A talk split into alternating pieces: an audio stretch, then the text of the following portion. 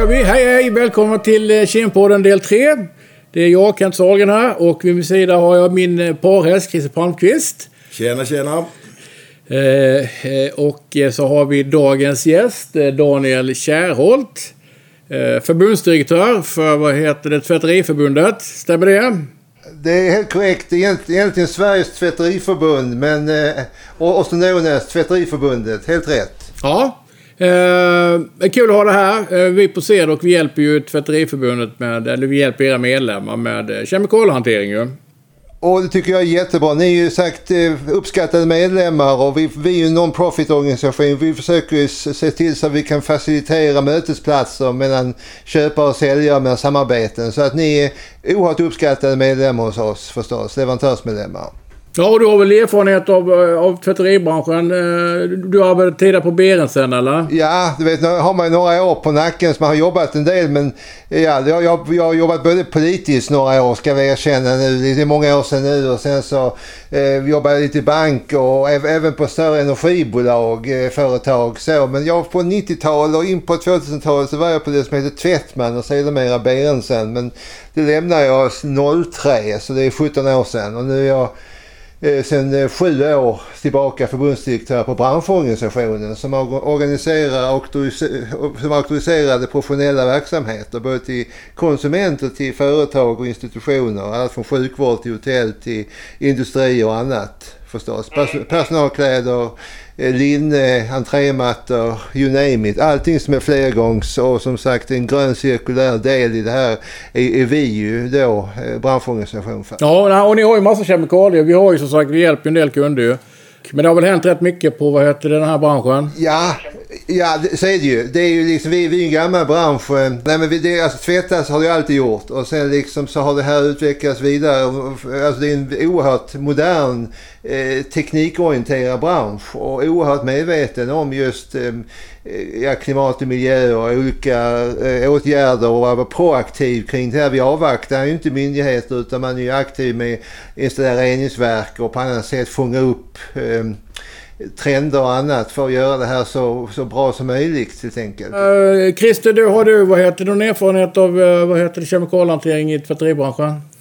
Alltså, det är ju en bransch som är intensiv när det gäller med tanke på att man använder ju, man har ju, om man tittar på den resan som den branschen har gått igenom under eh, ett antal år så har man ju minskat antalet kemikalier drastiskt i branschen. Så att man kan ju definitivt säga att branschen är på rätt väg. Mm. Det kan man säga. Men det är ju en lång resa är det. Och fortfarande så är det ju just den här biten att ibland behöver man helt enkelt kemikalier.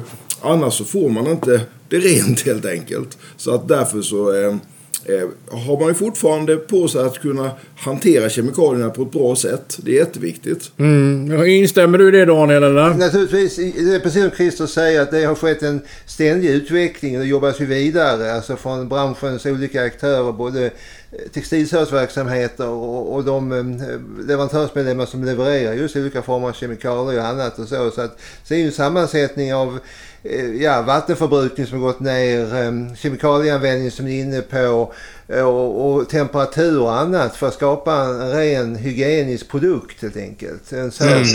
Mm. Mm. Mm. Vad är era största utmaningar i framtiden då?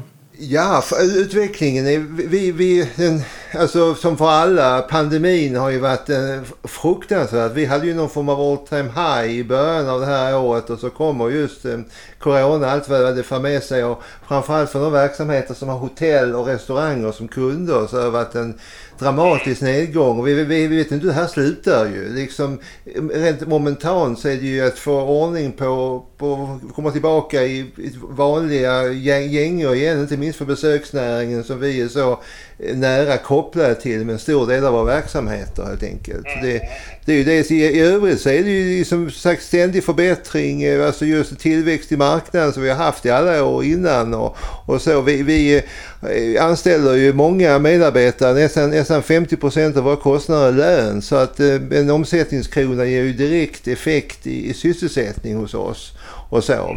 Vi har en hög andel som är födda i jag tror det är 46 procent som är födda i andra länder än Sverige. Vi, vi är liksom en, en integrationsmotor, en jobbmotor helt enkelt. Hej, jag heter Karl-Uno Olsson och är VD i Samtech Scandinavia AB. Efter 25 år i verkstadsindustri vet jag att systematiskt arbetsmiljöarbete kan vara både tidskrävande och komplicerat. Samtech hjälper er till ett kostnadseffektivt arbetsmiljöarbete samtidigt som ni får tillgång till våra experter. Gå till www.samtech.se, samtec.se eller ring mig på 0720 260 270 så ska vi se hur vi kan hjälpa er på bästa sätt. En, en, fråga som jag har där Daniel. Yes, det är lite kring eh, just hur, hur ni, när ni tittar på kemikalier, ha, har ni ritat upp någon plan, någon så att säga framtidsplan när det gäller just hur, vilka förbättringspunkter som ni har när det gäller just kemikaliehantering där? Nej, det har vi inte. Alltså, det, det sköts ju av, av alltså företagen själva har ju eh, det är naturligtvis på sin agenda hur man strategiska utvecklingen framåt. Sen har vi lagt ut, vi har en auktorisationskontroll där vi följer upp just olika dels lagkrav men även börkrav och sagt eh, andra typer av förändringar i marknaden och annat och det gör ju en extern firma för oss. Och så, så att det, det, de, de följer upp i vår auktorisationskontroll men vi, vi, det har vi outsourcat till en tredjepartsleverantör som, som gör detta åt oss. Okej, okay. mm. ja, men det, det låter bra och det är alltid bra att ta in en extern part på en sån grej. Ja, alltså det, det är ju så, så att vi alla är experter på olika saker och det, det är inte konstigt att vi har experter på andra områden också. Vi, vi är ju en, vi är ett kansli med en person och vi pratar med hela kansliet nu. Så det är klart jag behöver ju bollplank och experter både med revisioner och redovisning och kommunikation och, och inte minst då miljökompetens. Och det tycker jag att ert system som lekman, så, mikrotekniker, känns ju oerhört logiskt. Och, och, och att det är ju trevligt att få kontakt med många medlemmar och jag önskar inte mer att ni, att ni ska hitta fram till goda affärslösningar. Win-win för alla parter. Jag tycker att, för, för mig har det ett jättelogiskt system. Jag tycker liksom det känns oerhört positivt det ni gör. Ja, nej, men jättebra. Nej, men då tackar vi dig för vad heter, att du tog dig tid och uh, deltog i Kempodden idag. Spännande. Ha det gott nu. Hej! Mindgear är ett kompetensföretag som levererar krishantering och trygghet. När krisen är ett faktum så finns vi där. Rån, inbrott, hot och våld, brand, dödsfall, arbetsplatsolyckor med mera. Skydda ditt varumärke. Reagera direkt på oegentligheter med hjälp av Mindgears visselblåsartjänst. Mindgear erbjuder kostnadsfri rådgivning, så ring 0705 90 54 27 eller gå in på hemsidan www.mindgear.se.